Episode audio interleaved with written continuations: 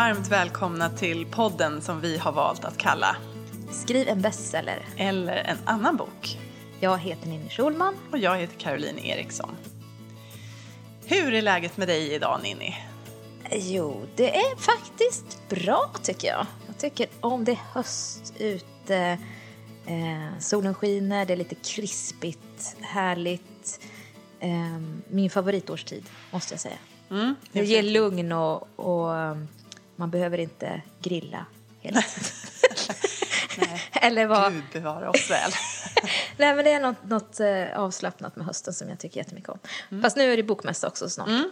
I helgen. Just det. Så det är lite förberedelse för det. Men Mm. eh, det känns, eh, känns kul. Så när eh, våra lyssnare lyssnar på det här så är det mycket möjligt att du faktiskt befinner dig på bokmässan. Är det ja, så? Mm. ja, ja. Jag åker på fredag morgon och hem på söndag eftermiddag. Så jag hoppas att några lyssnare kommer dit och säger hej. Det vore jättekul. Och eh, det blir jättespännande att både följa dig på sociala medier och sen så får du ju komma tillbaka och rapportera. Ja, Eh, jag ska komma med allt skvaller. Mm. Ja, precis. Det ser vi fram emot. Hörru du, ehm, du har ju haft en lite lugnare vecka nu Mm. eh, efter de här lanseringsveckorna. Men det är också roligt att se att det fortsätter ju att ticka på för boken. Mm. Vi pratade om Storytel förra veckan, det går fortfarande väldigt bra där. Men det finns ju andra format än ljudböcker. Det finns ju också inbundet format och, och e-boksformat till att börja med. Och eh, jag såg att eh, Svensk Bokhandel har ju sån här statistik för augusti månad och du är bland de Välkommen hem är bland de allra mest sålda, både inbundna och e-böckerna. Så det är ju fantastiskt vad bra det går. Det är jättekul. Ja, stort grattis, jättekul. tack, tack, tack, tack, tack. Ta åt dig det. Jag ser att du har lite svårt. Ja, att- jag vet. Nu känns det som att det var så länge sedan jag skrev så nu måste jag skriva igen för att bevisa att jag, att jag eh, kan. Eller så. Det, Mm. Jag har väldigt, väldigt svårt att njuta länge av någonting. Så Mm. nu måste jag bevisa något igen snart. Men, men, efter bokmässan, då jäklar. Ja, då. Ja, men, men det har gått bra för dig också. Du ligger ju, har legat fyra veckor på Tysklands topplista. Det är ju helt sjukt. Mm. Ja, det är faktiskt jätteroligt. Der Spiegel som är den största Ja. liksom, listan där. Så det är jätteroligt. Ja, grattis till det. Ja, tack. Jag är superimpad. Ja. Känns Tänk ju att jag får väldigt- sitta i ditt kök va? Ligger på topplista i Tyskland. Ja, men det är ju lite speciellt för det är ju en jättestor grej liksom, och, och så. Men samtidigt så känns det ju väldigt abstrakt och långt bort. Eh, Det är svårt att få ihop de här, de här två världarna. Kan du ta till dig det då? Nej, alltså, nej jag, tycker, jag känner nog igen det du säger. Det är väldigt korta stunder man kan på något vis tillåta sig att... Men, men just med det, just när det gäller den här Tysklands... Jag har nog lättare för det när det gäller just eh, eh, en sån här utlandstopplista. Eh, topplista. för då, då blir det bara en ren bonus. Det är bara en, en oväntad glädje.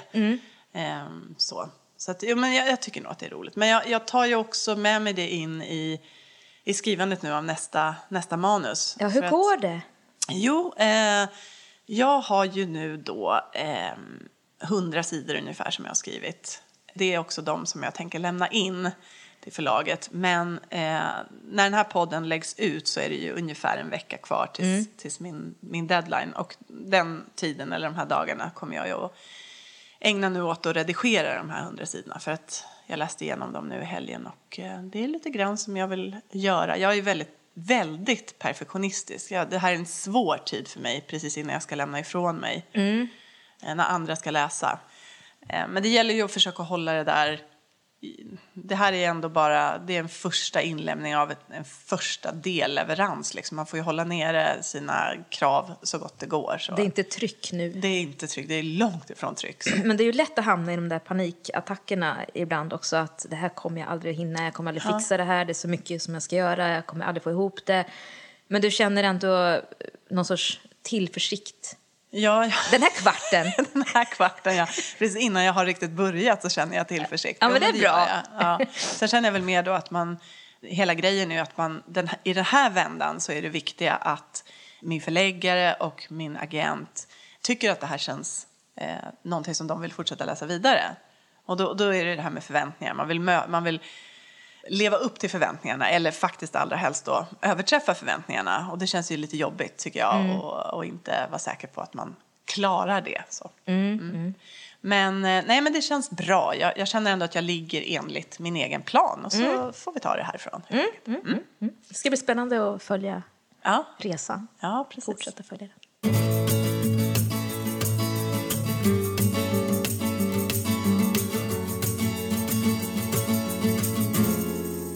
Idag ska vi pr prata vidare om förutsättningar. Förra mm. veckan pratade vi mycket om yttre förutsättningar. Tid, pengar. Mm.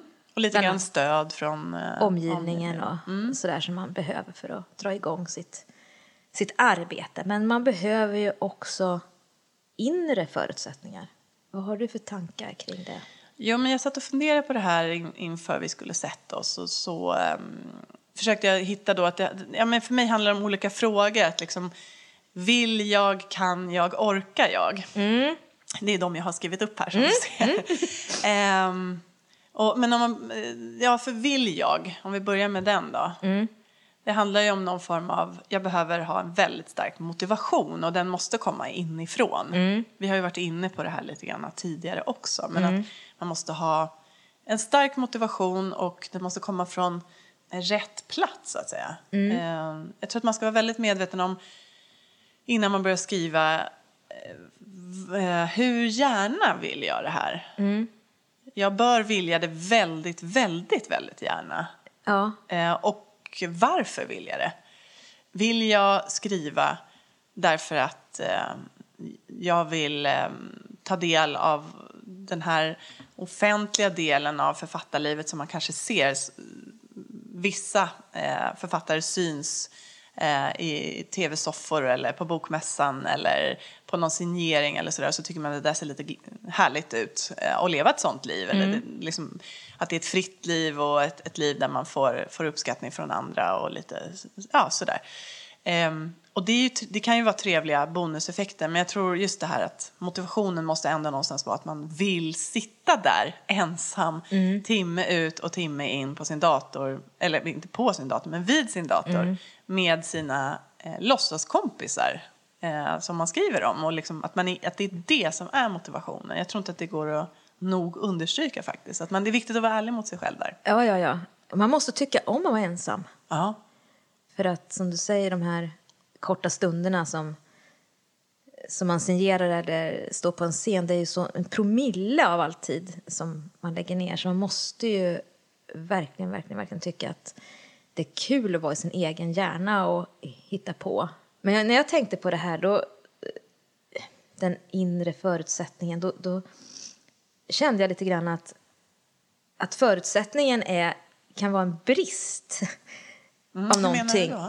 Nej, men jag tänker så här, rätta mig om jag har fel, men jag tror att alla som, de flesta i alla fall, som skriver har en grundmotivation som kanske egentligen inte har med idén att göra och inte heller med någon sorts längtan efter rampljus så. Men, men det är någon revansch mm. eller att man ska bevisa någonting. Och jag kan tycka att det är inte något, någon positiv sak. Utan mm. att egentligen så, i mitt fall så tänker jag ibland så att jag hade nog kanske mått bättre om jag inte hade haft den där konstiga drivkraften att bevisa någonting och Ja, jag vet inte. Mm. Förstår du vad jag menar? Ja, men jag tror jag förstår Att inte ha haft det här utanförskapet mm. i, i uppväxten som gjorde mm. att jag stod vid sidan av och tittade på mm. hela tiden och hade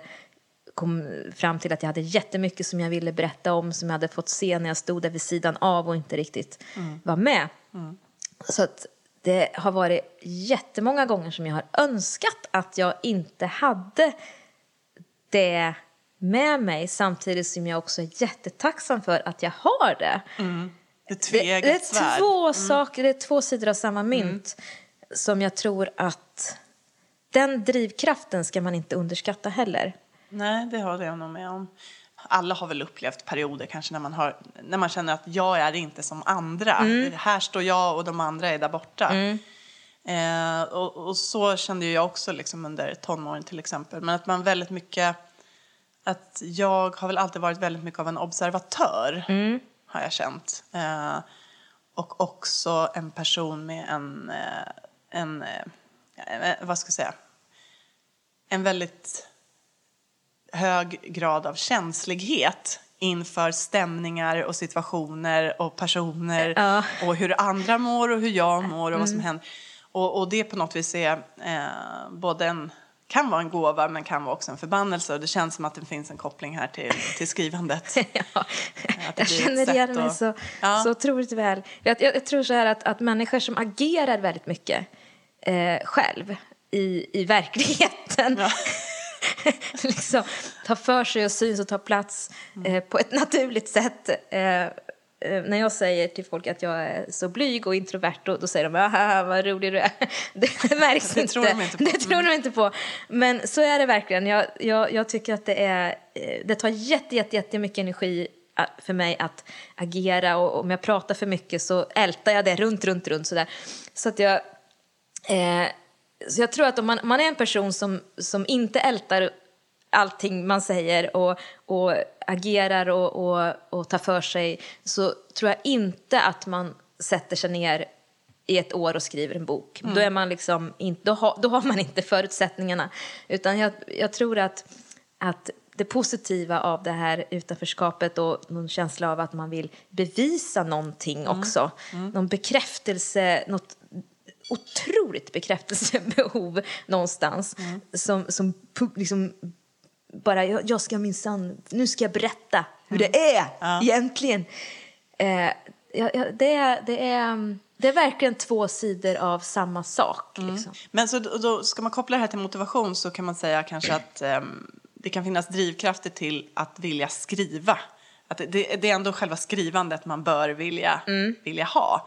Och sen anledningen till att man blir en person som vill sätta ord på saker och tankar och känslor och så vidare. Det kan komma ifrån eh, både positiva och mindre positiva erfarenheter eller så som har format den. Kan vi summera det så? Ja, typ. Ja.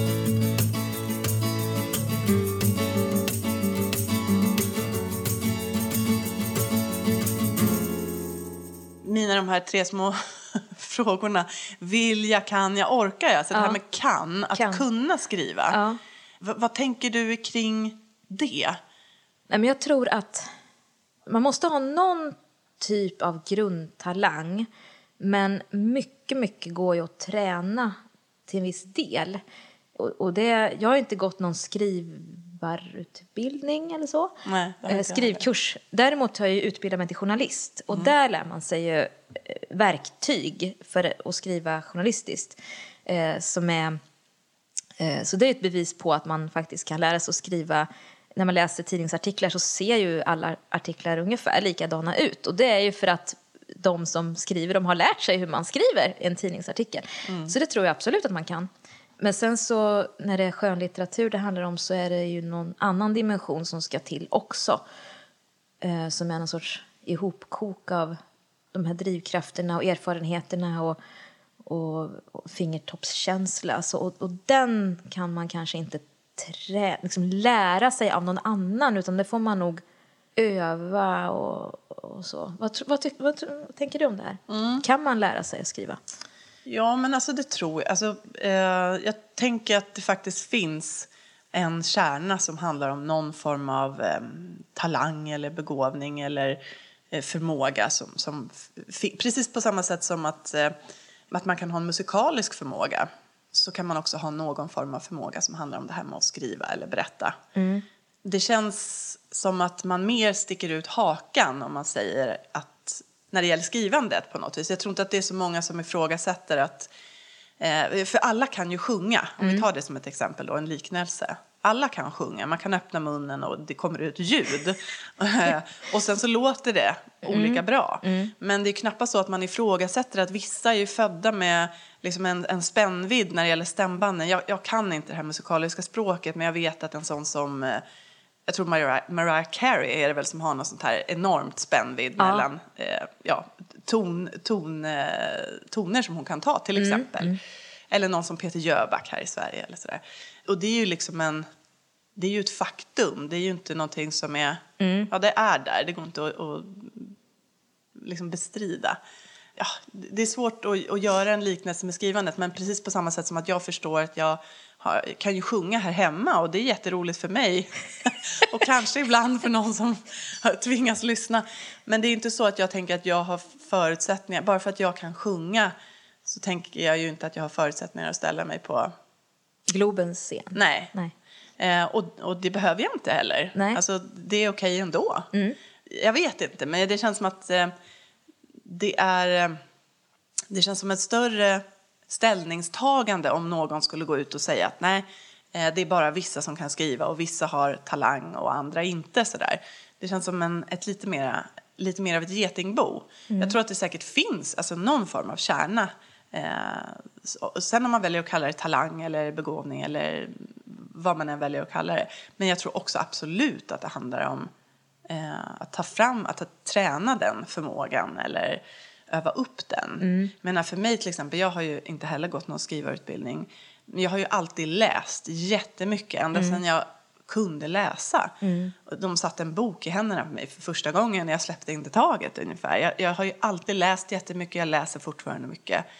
Och en sån grej tror jag ger någon form av intuitiv förståelse också. Ja, det, det är, nu säger jag med att läsa mycket och så, så det, det är det värsta jag vet när folk säger att "Nej, jag läser inte så mycket för att eh, dels har de inte tid att läsa eh, men de ska ändå skriva själv, har de fått för sig.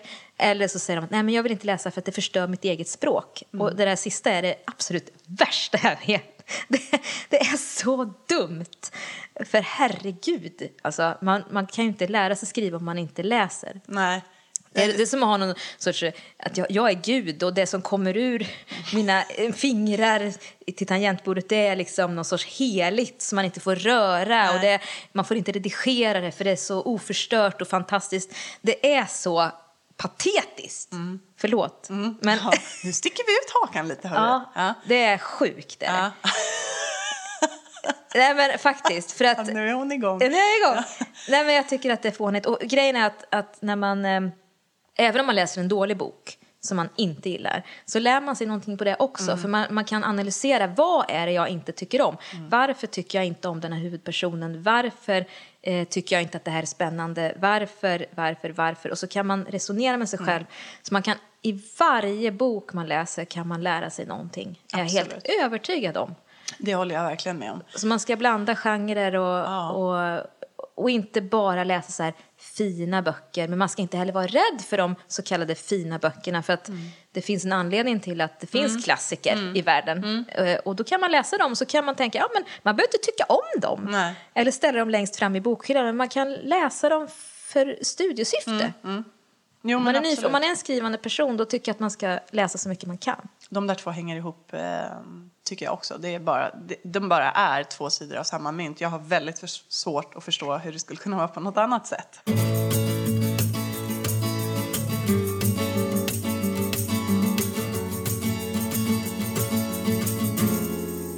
Skrivhandböcker då? Har du plöjt några sådana? Ja, det har jag läst ganska mycket. Jag, jag har aldrig eh, varit eh, intresserad av att gå en skrivarkurs. Återigen, jag har ju alltid varit väldigt så här hemlig med mitt skrivande. Och därför så, det, ungefär det värsta jag kunde tänka mig skulle nog vara faktiskt att sitta på en skrivarkurs. Och det är inte för att jag inte tror att de är bra. Jag vill verkligen, verkligen tala om det nu. Jag tycker, jag, det verkar jättebra, de som gör det. Och, och man kan få ut jättemycket av det. Och vi ska få höra lite mer om det nästa vecka också när vi har en gäst här. Och det ser jag verkligen fram emot. Men för mig som person så hade det varit Egentligen är det ett under att vi någonsin får läsa det du skriver, Caroline. Ja, Det är är fantastiskt. Ja, precis. Nej, men det är väl någon, någon sjuklighet där. Men, eh, nej, men, men däremot som sagt så har jag läst väldigt mycket skrivarhandböcker. Det har jag plöjt allt jag kan komma över. Och Stephen Kings bok. Den är ju bra. Ja, den är jättebra. Och han är så rolig också. Ja, Han är så sjukt ja, rolig. han är rolig och han är ganska kompromisslös. Liksom, Ja, med- med han är hård. på det. Ja. Han är hård och han är kul. han är hård och han är rolig. Så Ja. att det, nej, men den, Den är- kan man läsa bara för underhållningen. Absolut. Även om man inte skriver så kan Nej, man läsa. men verkligen. Ja. Eh, så att, och, och där tycker jag att jag har haft mycket glädje av. Absolut. Mm. Eh, och sen så tänker jag bara att under de här, jag berättade i förra avsnittet också att jag hade skrivit två manus som faktiskt blev refuserade Mm. innan jag blev antagen. Och jag tror att i den vändan så lärde jag mig också jättemycket. Jag fick en del, jag blev inte antagen, men jag fick lite feedback från förlagen. Eh, I ett par fall så hade det här manuset i alla fall kommit någon vända till och det var någon lektör som hade läst det och som hade tankar. Jag har också skickat in manus till Författarcentrum som mm. har en, en lektörstjänst och fått dem bedömda. Eh, och det har jag lärt mig otroligt mycket på. Så att jag tycker absolut att man ska ta det här på allvar, att man kan lära sig av andra som skriver. Både genom att läsa deras alster men också genom att få feedback från någon som kan text, som läser ens text. Inte ens mamma eller bästa kompis Nej. utan någon som kan text. Ja. Och då kan man utvecklas. Så att absolut att det finns en liksom, färdighets... Eh, Som man säger, en av förutsättningarna är att man faktiskt kan, är öppen för feedback också Ja, i rätt precis. läge. Ja, våga utsätta sig för det. Ja.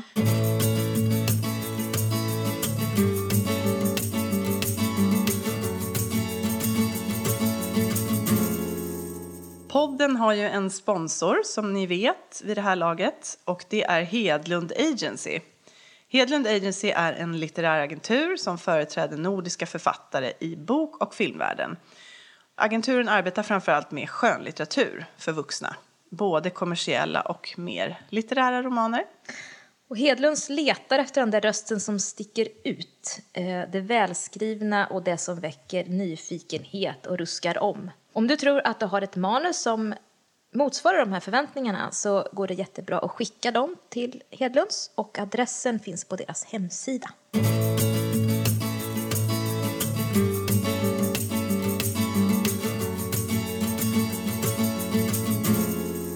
Jag läste ett eh, så fint citat av Bodil Malmsten när det gäller det där med talang. Eh, Hon har ju skrivit en bok som heter Så gör jag. Den är Den också jag väldigt fin. Ja. Ja.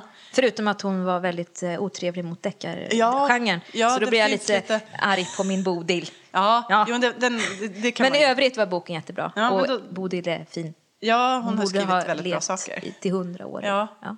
I alla fall, då skrev hon så här om talang. Talang, det är att inte ge sig. Det är att stå ut, att hålla på. Det var Var inte det ganska bra? Jo, Att, eh, när vi pratar om det här med talang så finns det, finns det så mycket av det där att liksom orka. ja, för det här med ensamhet och målmedvetenhet och eh, stå ut. Och Det- hålla på. Och hålla på! Det var Ja. så bra just. ja, det är ju egentligen det som är den absoluta förutsättningen för att man ska få ihop flera hundra sidor. För att inspiration, sådär, det kan man ju ha en eftermiddag eller några dagar och skriva eh, dygnet runt och så. Men det gäller ju, det som jag tycker är svårigheten med det här, det är ju att konfronteras med sin egen text så många gånger. När jag tänker tillbaka på mina böcker så de kan de skulle kunna ha blivit mycket bättre, allihopa. Men jag är jättestolt över att jag stod ut mm med, med jobbet. För jag hade aldrig trott att det var så mycket, så mycket eh, att, att se sina fel gång på gång och ändå inte ge sig. Det är jag stolt över och, och det, det är en talang som sagt var som om man inte har den innan så måste man öva upp den. Ja, jag tänkte säga det. det. Det är... Jag tänker på det också i, i förhållande till det här med att vara ny eller ännu inte utgiven eller publicerad eller så. Det kan vara jobbigt att bli refuserad. Eh, men på något vis så kan man också tänka att ja, men det här är träning. För även när jag sen någon gång i framtiden blir antagen eller jag ger ut på eget förlag eller vad det än är så kommer jag att möta motgång på motgång på motgång. Och jag kommer liksom att, att möta det. Det är inte så att bara för att jag en gång blir publicerad så är det slut med det där och nu är allting roligt och bra och, och liksom eh, framgångarna avlöser varandra. Utan mycket av att vara en skrivande människa är att behöva konfronteras med motgångar både i förhållande till hur, hur det går för ens bok när, när den väl ska ut men också det här som du säger att den feedback man får på sin text, man måste kunna ställa sig vid sidan om och inte ta det så personligt. Förstå att det här är en fråga om textens bästa och så. Men det, ja, förstår du hur jag menar? Absolut. Och, och det här...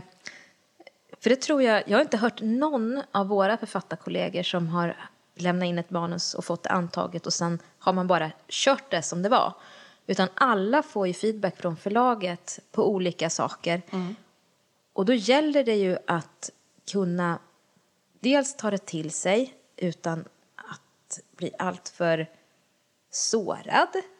Vilket ju är svårt när man har suttit på sin kammare och, och skrivit väldigt, väldigt länge och tyckt att det här är, är det bästa man kan.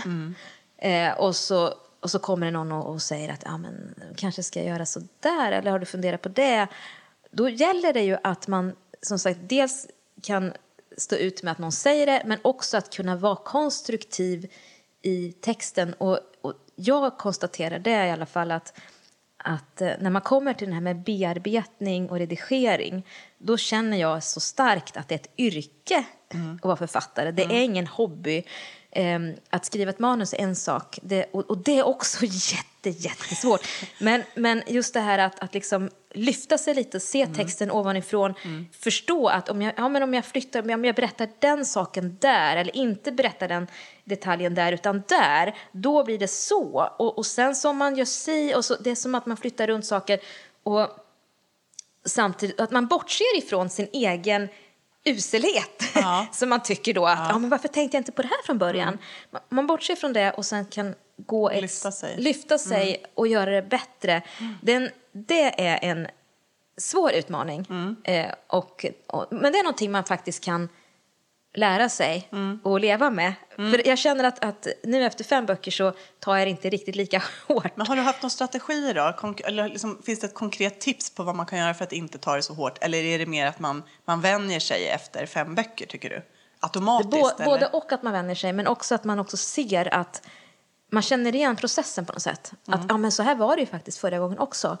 Och då, då blev det ju mycket, mycket bättre. Det blev ju bättre sen. Det händer ju saker i bearbetningen och redigeringen som, som inte kan hända i grundmanuset, som jag ser det. För att, ja, men det, det kommer vi ju komma in på längre fram Ja. i podden också. Men, men det måste jag säga att första boken som jag skrev, när jag fick den tillbaka och trodde att jag, att jag, hade, att jag kunde skriva eh, eftersom att jag skulle ge ut en bok. Och så fick jag tillbaka det och insåg att uppenbarligen så kunde jag verkligen inte skriva. Och det var fruktansvärt. För som journalist också så är det korta texter och så ser man ett resultat av någonting dagen efter och så är det klart. Och sen, jag var sån att jag läste aldrig mina gamla texter, skulle aldrig falla mig in. Utan det, det var då. Det var, det var liksom gårdagens tidning, nu, nu är det en ny dag. Men som författare så slipper man inte undan. Nej. Man måste gå igenom igen och igen. Och gud vad dåligt det här var. Men om jag tar bort det så blir det bättre. Ja, då, då känns det lite bra. Så det här hoppet måste man hitta. När, att det känns hoppfullt. Jag tänker att det där hoppet måste också... Jag har ju en bakgrund inom liksom, mental träning. Alltså, Ja. jag har ju gått lite olika kurser i det och diplomerat mig i det. Sådär. Och då handlar det väldigt mycket om att man ska ha en vision. Alltså någonting som man kopplar en stark känsla till. Ett mål som är en otroligt stark känsla kopplad till sig. Så att man liksom kan plocka fram det där och bara, man kan liksom känna smaken i munnen av, av hur det kommer att vara när man når fram till det här målet. Och jag tror att mycket av det har jag haft hjälp av. Varje gång jag har skrivit ett manus så har jag liksom haft den där målbilden. Vad har att, du för målbild då? ja, den målbilden är ju, ja, från början så var det ju, handlar ju väldigt mycket om att jag, jag, jag önskade att bli antagen, att bli utgiven. Men det Men kan man var, inte var ha som målbilden mål. att, att, du skulle, att, det här, att den här förläggaren skulle ringa dig? Nej. Eller var målbilden att se din bok i en bokaffär, ett skyltfönster? Var det Ja, men, att, förstår du? jag Vad var förstår. den exakta målbilden? Mm, nej, men den exakta målbilden, och det här är ganska viktigt.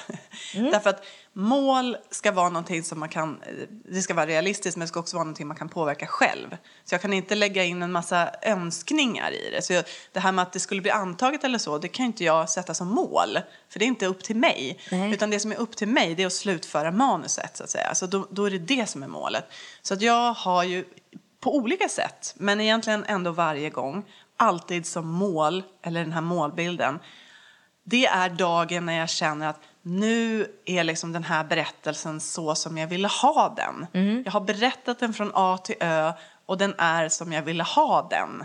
Jag, liksom så, den Mm. känslan av att yes, jag, jag fick till den här berättelsen. Det var, det var så här jag ville att den skulle bli. Mm. Den känslan tycker jag är det som jag jobbar mot nu. Jag har väldigt långt kvar. Och till och med när jag är klar med första utkastet, när jag har liksom skrivit sista meningen, sista scenen, så vet ju jag att jag är ju inte framme än. För då ska det, som, som vi varit inne på, då ska det redigeras och det ska omgång efter omgång och sådär manglas, liksom tvättas och, och vaskas fram. Men sen då innan tryck så är man ju ändå i den känslan av att nu, det här var det bästa jag kunde, det här var det närmsta jag kunde komma den målbilden.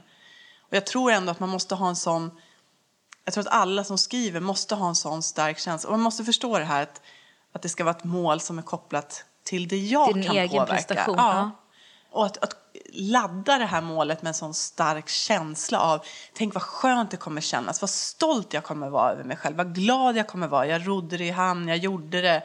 Eh, man, man ser sig själv kanske läsa igenom det här, eh, de här A4-sidorna utskrivna eller vad som helst. Man, det är bra att ladda ett sånt här mål med så många sinnen som möjligt. Och sen plockar man fram det när man sitter där och det känns lite hopplöst. För det, det gör ju det av och till. Och det, det som skiljer då de som fortsätter eh, från de som inte fortsätter, det är ju just den här förmågan att bara inte ge upp, bara liksom nöta på. Det, det är väl det som jag tänker att mycket av den här orken handlar om också, någon form av tjurskallighet. Envishet som gränsar till tjurskallighet. Harva på. Harva på. Trots all den här tvivlet och osäkerheten så fortsätter man. Det är ju någon form av hybris. Ja, alltså ja, ja. Ja, men jag tänkte på det när, när jag började prata om det här med förutsättningar och att man har någon brist i sig. Mm. Eh, nå- något som skaver, något hål av något slag, någon tomhet liksom. Det är ena sidan. Och samtidigt har man någon sorts hybris. Så det är lite så här borderline. Mm. Ja. En sån här Typ grandios. Grandios självbild å ena sidan och sen någon sorts mörker i den andra. Men att, ja jag vet inte, man behöver, man behöver hybrisen också för Mm. annars skulle man aldrig orka. Om man bara hade Självhatet. självhatet så skulle det inte gå utan man korta hybrisstunder varje dag. Ja. Och så lite, en liten basgång av självhat där som Ja. ligger under. Det är väldigt sunt på alla sätt det här.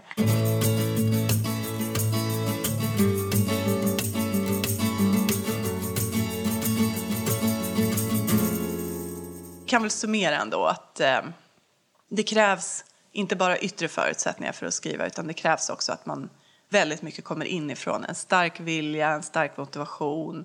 Eh, att man känner att man ändå har någon form av förmåga eh, som man har tillägnat sig på något vis i kring det här med språket och berättandet. Och att man också har orken att stå ut med att vara ensam, stå ut med att jobba på ett lång, mot ett långsiktigt mål utan särskilt mycket uppmuntran eller garantier längs vägen. Ja, stå ut med feedbacken. Stå ut med feedbacken som man får så småningom förhoppningsvis. Ja, där tappar vi alla våra lyssnare. Ingen orkar skriva en bok, tyvärr. Men, men vad som är så himla bra då, det är ju att nästa vecka så har vi en gäst som, som verkligen får balansera upp det här. Vi, har ju, eh, vi kommer att ha Anna Schultze Wilén med oss då, som är konstnärlig ledare på Skrivarakademin. Och det ska bli otroligt spännande tycker jag, inte minst eftersom ingen av oss har det här erfarenheten av att gå en skrivarutbildning eller så, så kan ju hon prata mer om det här. Jag tror hon har väldigt mycket eh, tankar som kan vara till glädje för våra lyssnare. Jag är helt övertygad om det ska bli jättekul. Så om ni har några speciella frågor till henne så hör gärna av er på Facebook-sidan som heter Skriv en bestseller eller en annan bok. Och där kan ni också lägga in, för avsnittet efter sen så kommer vi att köra ett avsnitt som är ett allmänt sånt här frågor och svar-avsnitt. Vi har ju fått in ett par frågor redan, men fortsätt gärna att fylla på. Fråga vad som helst. Ja. Ni får jätte, jättegärna gå in också och betygsätta oss på iTunes. Skriv en liten recension, eh, vad ni tycker och sådär. Jättekul. Mm. Om ni gillar podden så... Annars så ska ni inte skriva. Nej, precis. Då är det bättre att ni låter bli. ja, då, då är det definitivt bättre att ni blir. Ja. Men om ni tycker om oss så, så skriv gärna det. Eh, vi har Instagram också. Man kan följa oss, se oss lite mer till vardags sådär. Ninni Schulman heter jag i ett ord. Och jag heter Caroline Eriksson, eller Caroline Eson om man ska vara exakt där. Och så ska vi tacka också Timmy Strandberg på poddbyrån som klipper. Och så säger vi väl eh, thank you for the music. till eh, Josh Woodward. Hej då! Hej då! A sticky summer's day in Shepherdstown. An eagle in a thermal is a circling round like a tire on a bike rolling down Columbus Street. But Katie got a little look of hope in her eyes and her arms unfold and she looked to the skies and said, I'm gonna learn to fly around with you, yeah. She jumped up high and she fell on the ground and skinned her little knee and made a horrible sound. She got right up and she tried it again and smiling all the way with her unstoppable grin. Take time, do what you're gonna do and just smile, you're gonna see it through. Your wings are gonna sprout and lift you off the ground. No, no, take time, do what you're gonna do. Just smile, you're gonna see it through. Your wings are gonna sprout and you will learn to fly.